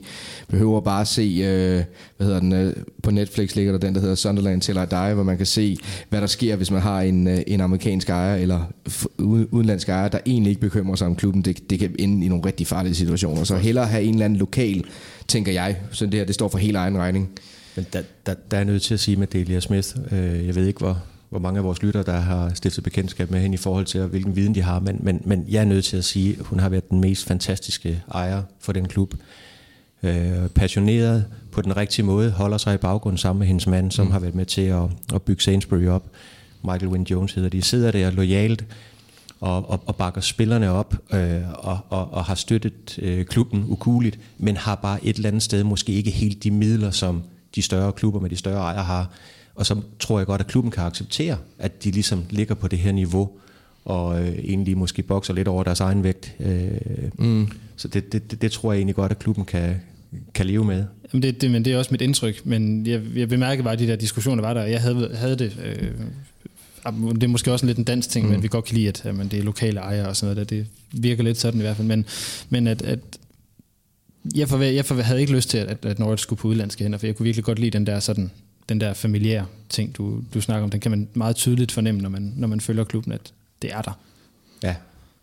En ting, der er lidt ved det her uh, Alex øh, uh, Neil-ting, det er jo, som du siger, det, det lykkes, og så lykkes det alligevel ikke helt rigtigt, for han blev, han blev faktisk fyret den, uh, den, 17, nej, den 10. marts 2017, um, og det er sådan lidt, for mig er det, det virker aldrig som om, han helt kommer i mål med sin plan om, at det her britiske, det bliver lidt... Uh, Altså, ja, i virkeligheden kan jeg jo spørge, øh, hvad, hvad er det, der går galt? Er det for mange lejesvend? Er det for lidt fokus på egne talenter? Eller hvad, hvad er det, der går galt, hvis, hvis I skulle øh, sige det?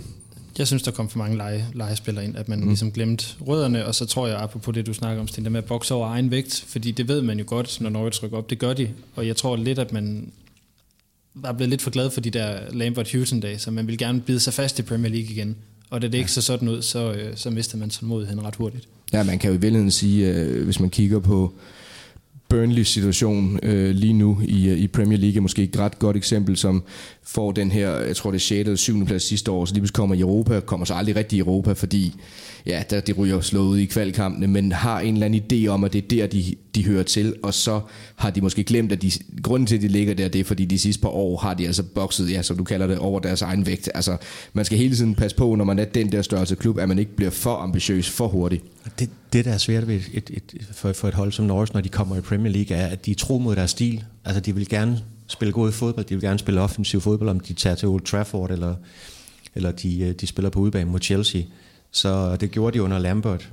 Øh, det er ikke et hold, der stiller sig ned og kan forsvare og tage en, en, en, en, en vigtig 1-0-sejr mm. i, i nogle af de svære kampe, som nogle af de, de andre hold måske har kunnet, hvis vi siger Hold eller mm. Burnley, mm. eller nogle af de her, der har kunne lave Stoke. de her, øh, Stoke, øh, hvad hedder, der kan lave de her lidt mere øh, vigtige resultater. Altså det er et hold, der er tro mod deres stil, og, den har, og, og der har det måske været svært for dem at og 100% tage op i det midterste lag i Premier League, de gange de har været op, som jeg har fornemt det. Øh, men jeg synes, de har noget spændende undervejs, hvis de kommer op nu. Øh, hvis vi kigger på, på udviklingen i den engelske, så øh, tilbage i tiden var det Derry Grady, der var, der var i crew. Vi har øh, Don Howe i Bournemouth, og vi har, øh, vi har Farke lige nu, som, som virkelig formår at få, øh, få de her gruppe, den her gruppe spillere til at, at, at spille fodbold både ude og hjemme. Og det er altså den måde, man, man bider sig fast i Premier League, tror jeg for en klub som Norwich, det er at holde fast i, i den der kontinentale spillestil, som, som ligger til klubben. Men jeg tænker i virkeligheden, du har lidt startet os op på det, så jeg synes bare, at vi virkeligheden, kaster os ud i det. Nu, det der jo sker efter, at, øh, hvad hedder han... Øh, øh, Alex Neil han bliver sat op, så er der en øh, caretaker manager, Alan Irvine, som tager sæsonen øh, ud, og så er det de her ejere, de indser, at nu skal der noget andet til. Altså de, de, der skal noget helt andet til. Så man prøver det her, som jeg sagde, helt i toppen af udsendelsen, man vil skifte fra det her britisk fodbold til mere europæisk, og det, det gør man ved at ansætte den her øh, tyske træner ned fra, ned fra Dortmunds reservehold. Et øh, godt sted, by the way, at finde øh, unge trænere. Øh, øh, hvad hedder de? Huddersfield har nu gjort det to gange. Øh, Daniel Farke. Øh, og han får altså mere eller mindre mandat til at ændre klubben øh, indenfra. Øh, tænker øh, Lasse, hvad, er det, øh, hvad er det han gør, øh, hvad er det skiftet sker, hvad er det, ja. Jamen, der, der sker rigtig mange ting med klubben, og nu skal jeg passe på, at der ikke lige går, øh, går øh, antropologisk øh, forelæsning i den fra, min side, men, men det, det er sådan ret, ret tydeligt øh, identitetsskifte, mm. øh, man, man laver, øh, og igen, nu bliver det måske lige lidt langhåret, men det er helt i orden. Men, men øh, Norwich er den her meget, meget øh, udkants England klub og meget om, om, omkring sig selv. Altså hvis vi, vi kigger på sådan en helt lavpraktisk ting som trøjesponsorater, øh, så er det første gang, mener jeg, at man i tørmeren 2017 får en udenlandsk sponsor øh, på trøjen. Og der, selvom at, at man tidligere har haft, hvad hedder det, øh, større sponsorer, så har det faktisk næsten altid været firmaer, der har været baseret i, hvad hedder det, Norfolk-området. Altså, man har haft Lotus som bilfabrikant, man har haft Coleman's, det er sendepsmærke.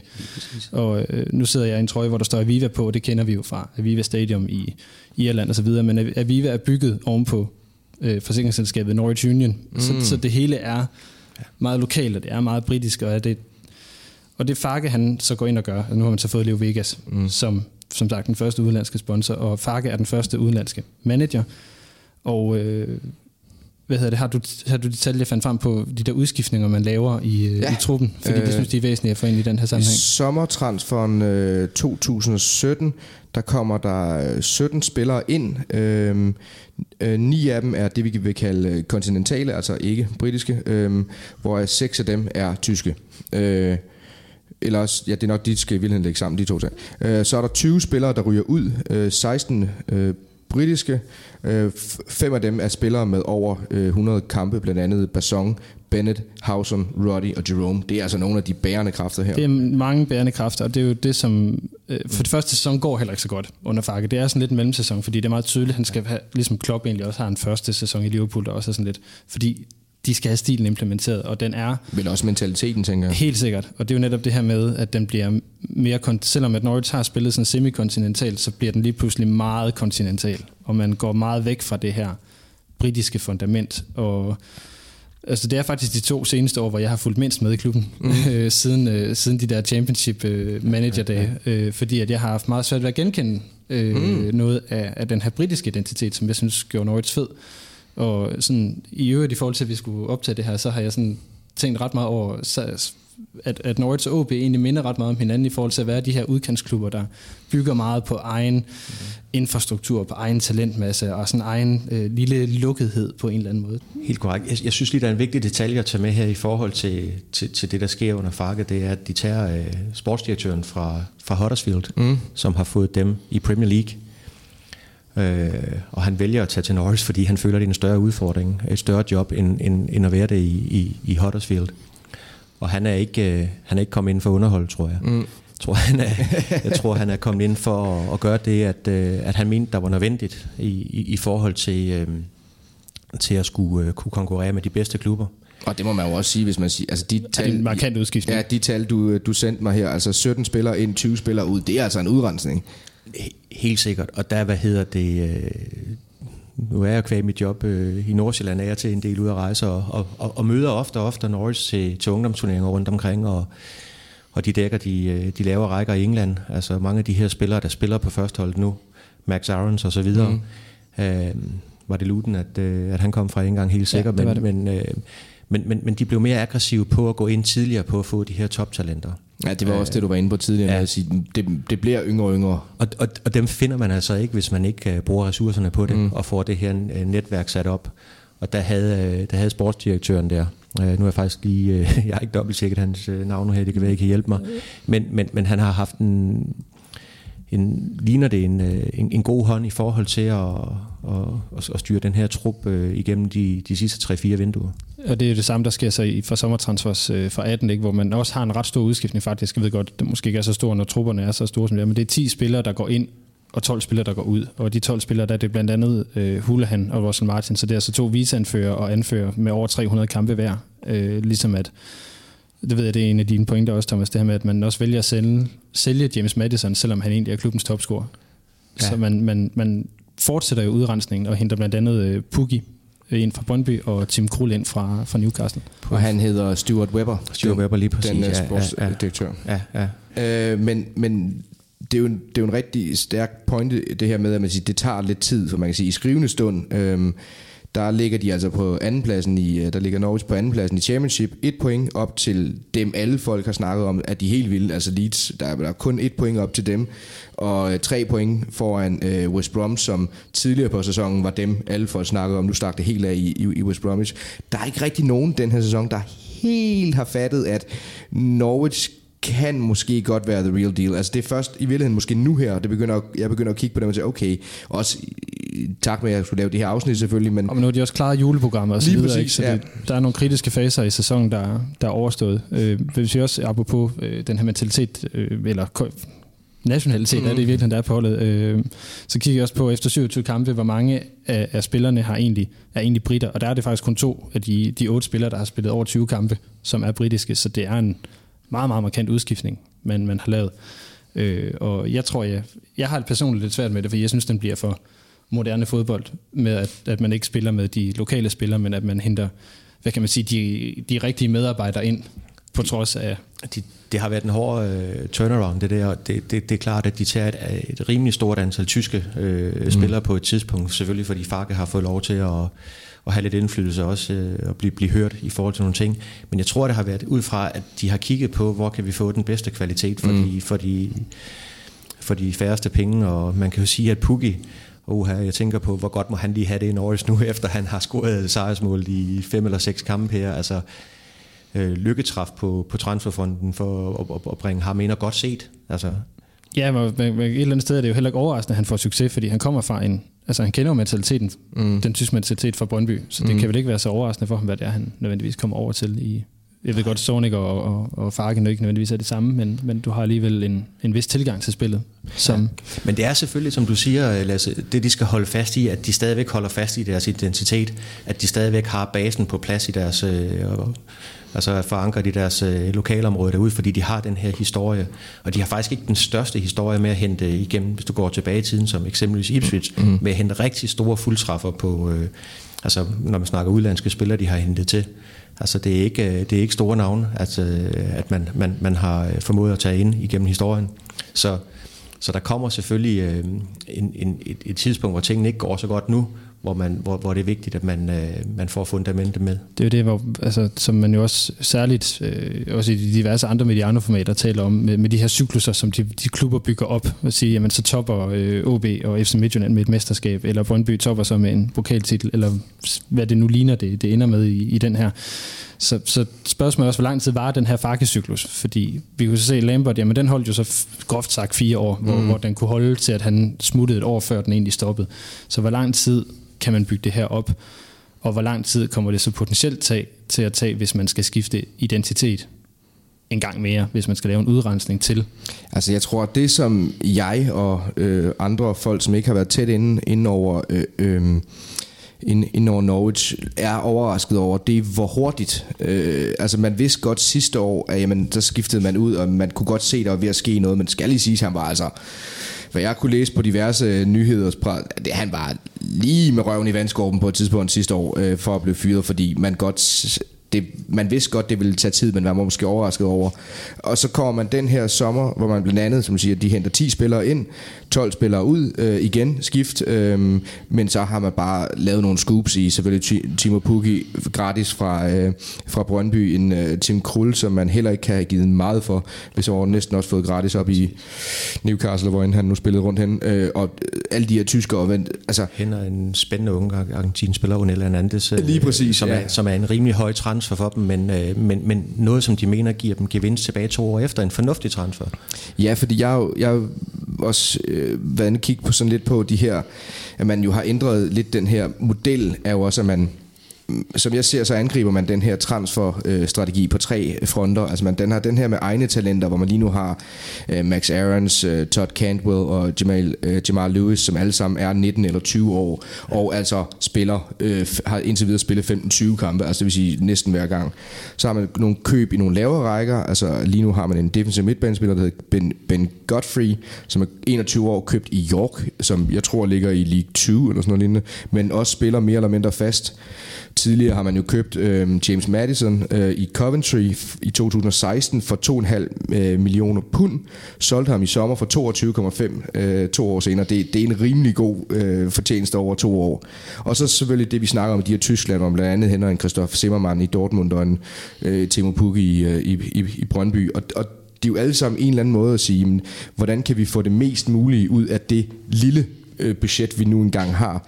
Men jeg er helt enig med dig, Lasse, at sige, det er også en risiko at gøre det her, fordi hvor, hvor meget kan du gøre det her uden at miste øh, den her identitet? Altså du kan se, bare kig på øh, hele den periode Stoke er inde i nu, mm. da de gik fra det her klassiske Stoke-hold, britisk øh, Pulis, du kører de, lige pludselig skulle de så til at spille offensiv fodbold, kom der en masse spillere ind, en masse legespillere, dyre spillere, og så var det ligesom, så var det bare ikke de der Stoke længere. Og så er der en, en, en ting, som vi fuldstændig har glemt i virkeligheden, det er, at der hænger en Brexit-sky ja. et eller andet sted. Ja. Så hvad, hvad kan man så i, i øvrigt rent point, ja. øh, i forhold til indkøb fremadrettet. Mm. Øh, ja, fordi med den her Brexit-sky, så bliver det jo lige pludselig, at... Øh, noget med fri arbejdskraftens fri bevægelighed, der bliver... Ja, man kan sige, altså lige nu så hedder det jo, at, at alle øh, ikke, eller alle EU-borgere er jo EU-borgere, det vil sige, de tæller ikke som udlændinge, men hvis, de lige pludselig, hvis England lige pludselig ikke er i EU, jamen, så vil de her danskere og svenskere og hvad end de nu er, tyskere, de vil tælle som udlændinge, og der er kun så så mange udlændinge, du må have i uh, den engelske, så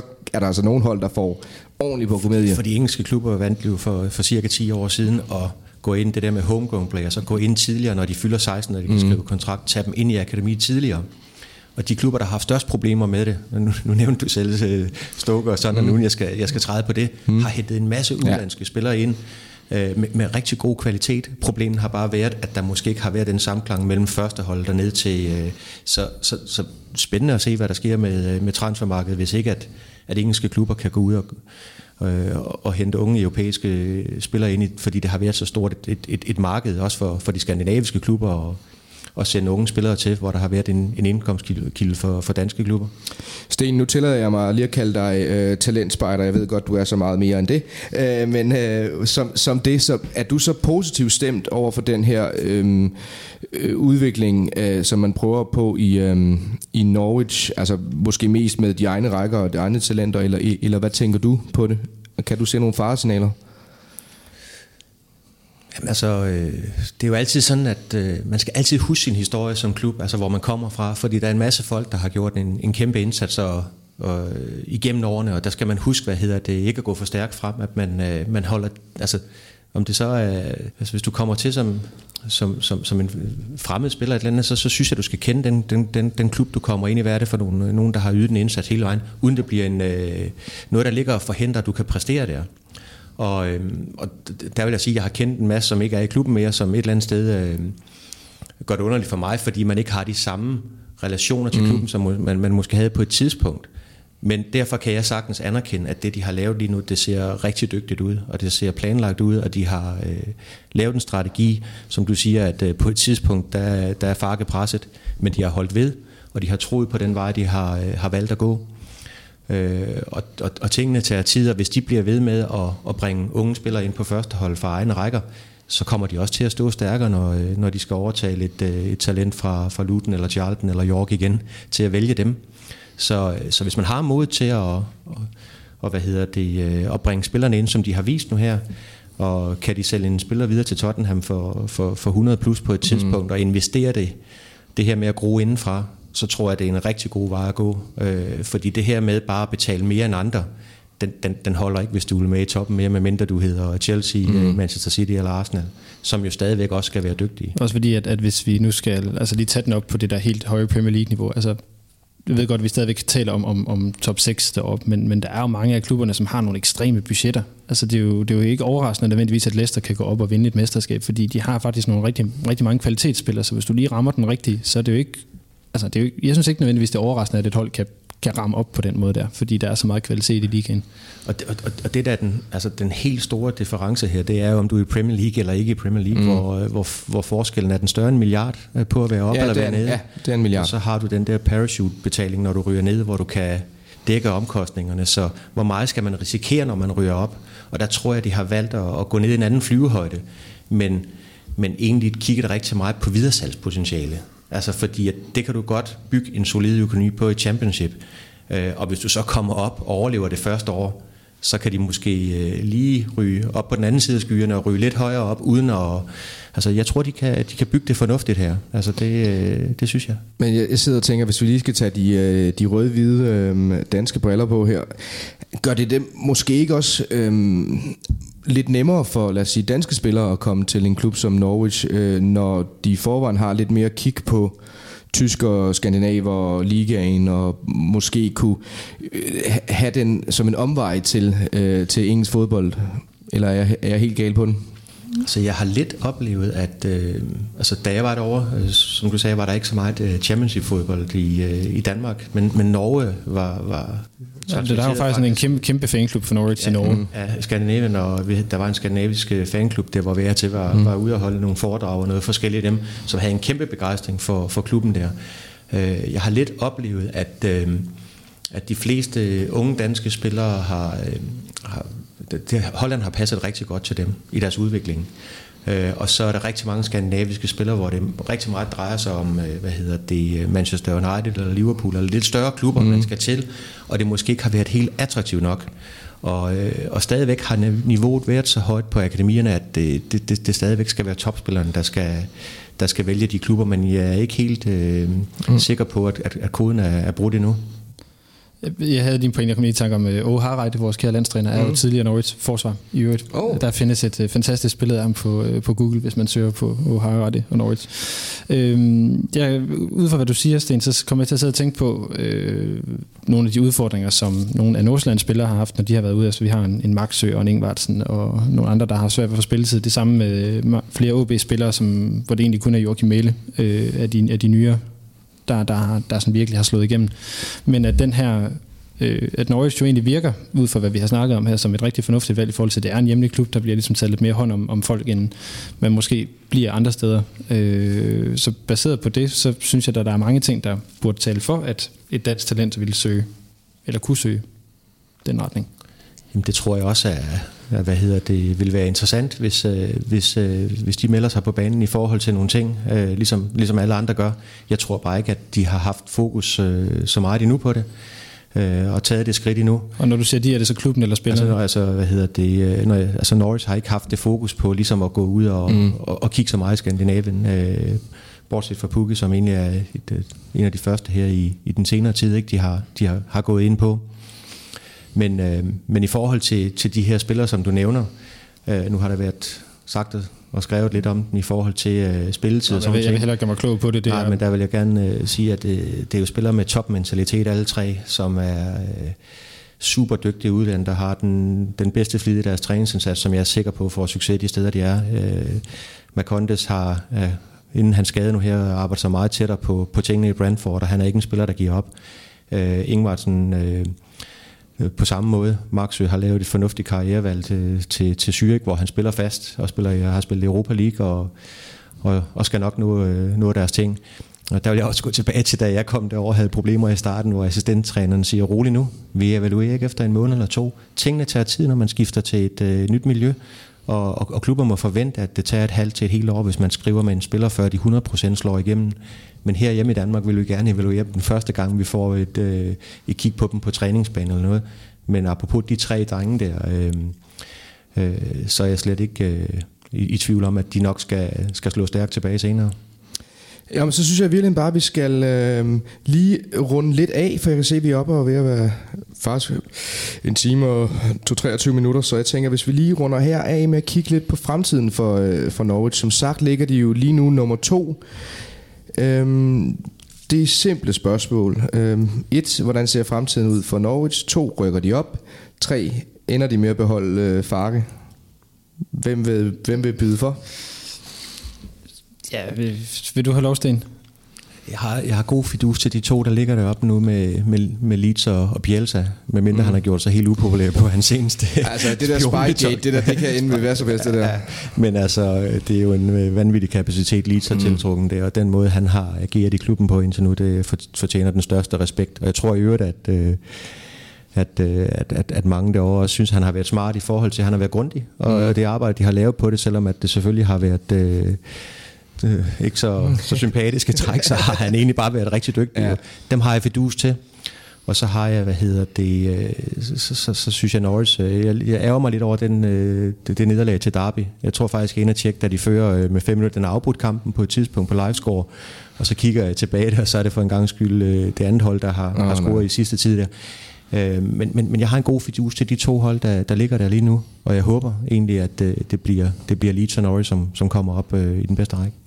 Ja, altså jeg, jeg, som sagt har, det, har jeg ikke været så, så, så opmærksom på dem, øh, som, som jeg burde være. Øh, så jeg har lidt svært ved at vurdere, hvor, hvor, hvor godt de egentlig de står for. Jeg synes, det er netop det elite, der løber med, øh, med al opmærksomhed, når man tæller championship, mm. sådan generelt og sådan læser ja. nogle analyser af det. Men, men øh, men kan det i sig selv ikke, ikke være lidt en, lidt en force, at, at man kan være sådan en, uh, en, som ikke har det her store pres på sig, fordi man egentlig bare kan ligge og være lidt under, under radaren? Det, det tænker jeg helt sikkert, men jeg vil også sige, sådan for os at svare på dit spørgsmål, at, at, at jeg synes, det ser... Jeg bliver skuffet, hvis vi ikke ender i en, i en playoff-situation, i hvert fald. Mm. Øhm, og jeg synes, at det projekt, som man har gang i, at selvom det, har, at det er en kraftig omstilling, så ser det ud som om, at det, det bærer lige nu, og så for, for at fortsætte, jamen, hvis vi rykker op, Ja, så jeg skulle spændt på at se, hvad, hvad der sker, fordi Premier League er, er, lidt, en, øh, er lidt en tombola. Der kan man, ja. kan man både være heldig og rigtig, rigtig uheldig. Ja. Når vi snakker om, om Farke for eksempel, så, så tænker jeg, at øh, hvis han skulle stoppe en år, så er det mere, fordi der er andre klubber, ja. der får øje på ham. Det var også ja, det, der var et, ja, lidt et ledende altså, spørgsmål. Ja. Øh, der må være nogle af, af klubberne i Premier League, som kigger på, her er der en talentfuld mm. træner, som er, er udlært i, i Dortmund, hvor man øh, har haft kæmpe succes, og han har taget skridtet at komme som, øh, hvad hedder det, som, som udlandstræner til et, øh, til et nyt miljø, og kredit igen til Norris for at have givet ham den opbakning mm. og den mhm. tid til at få hans idéer igen. Ja, det må man sige, virkelig sige imponerende. Så, så, så det vil være en kæmpe succes, hvis han et eller andet sted også kunne blive sendt videre. Ja, for det er jo i virkeligheden også det, der ligger i det, at det er jo der, hvor Norwich også viser, at det ikke er den her helt moderne fodboldklub, fordi der ville man jo have givet manageren seks måneder, og hvis det ikke var gået, jamen så var det afsted, sådan som de jo ofte gør. Så, så der viser klubben trods alt noget af sin identitet, selvom man er ved at skifte ud på nogle, nogle ret centrale ting. Så ja. øh, for, øh, vil jeg lige slutte af med at sige, at folk har spurgt, hvor øh, UK Special blev af, øh, så det er måske på sin plads at sige, at vi naturligvis ikke er forsvundet. Vi har bare lige skruet lidt ned for øh, kadencen, øh, men husk at abonnere inde på Mediano-magasinet, så du ikke går glip af fremtidige afsnit. Øh, vi har allerede et par stykker på tegnebrættet. Har I øh, noget tilbage, en anekdote eller et eller andet, I gerne lige vil ind på, ind på, på falderæbet? Øh, jeg, jeg kan sige, at, at på trods af, at jeg har holdt med klubben i 20 år, har jeg kun set dem spille live en gang. Og det var, min far holdt jo selvfølgelig sit løfte. Så oh, ja. de, øh, da de rykkede op i, i, i fire, der, der var vi over at se dem spille. Ikke på Carrow Road desværre, men øh, mod Charlton på The Valley i London. Hvor, det er også et flot stadion. Meget, meget flot stadion, må man sige. Meget fantastisk beliggenhed. Øh, men hvad hedder det? Der var det jo med Helve og Rommedal på hver deres hold. Ah. Ingen af dem kom på banen i kampen. Nordics tabte 4-0. Oh nej. Men det vil jeg sige, den der oplevelse med for første gang, ikke at være alene med at holde med Norwich, mm. fordi det er jo sådan lidt en, en, en sjældenhed øh, ja. herhjemme, og, og se de her gule og grønne trøjer rundt omkring. Så det der med at, at, at stå på banegården omkring The Valley, og se det her helt grøn-gule menneskehav, det var, det var meget specielt. Jamen, jeg vil sige det samme, at øh, hvis man booker det der Norwegian-fly og ryger til standsted og noget. Altså det er en halvanden time ned af, af hvad hedder det, med, med, med tog ned til, til Carrow Road der. Og stemningen, altså øh, byen er, er, er virkelig hyggelig. Altså du får, du får den der rigtige engelske fodboldfornemmelse, når du går til, altså øh, kom gående til stadion øh, med, med, som du siger, det gule menneskehav der øh, er en oplevelse, at, øh, hvor det dufter af fodbold, som, som man husker det fra 70'erne og 80'erne. Nu får jeg da helt, helt lyst til at tage over og se en uh, fodboldkamp derovre. Tilbage er kun at sige uh, tak til uh, Lasse Yde Hegnet. Tak for, at I var med. Og tak til uh, Sten Nedergaard. Velkommen.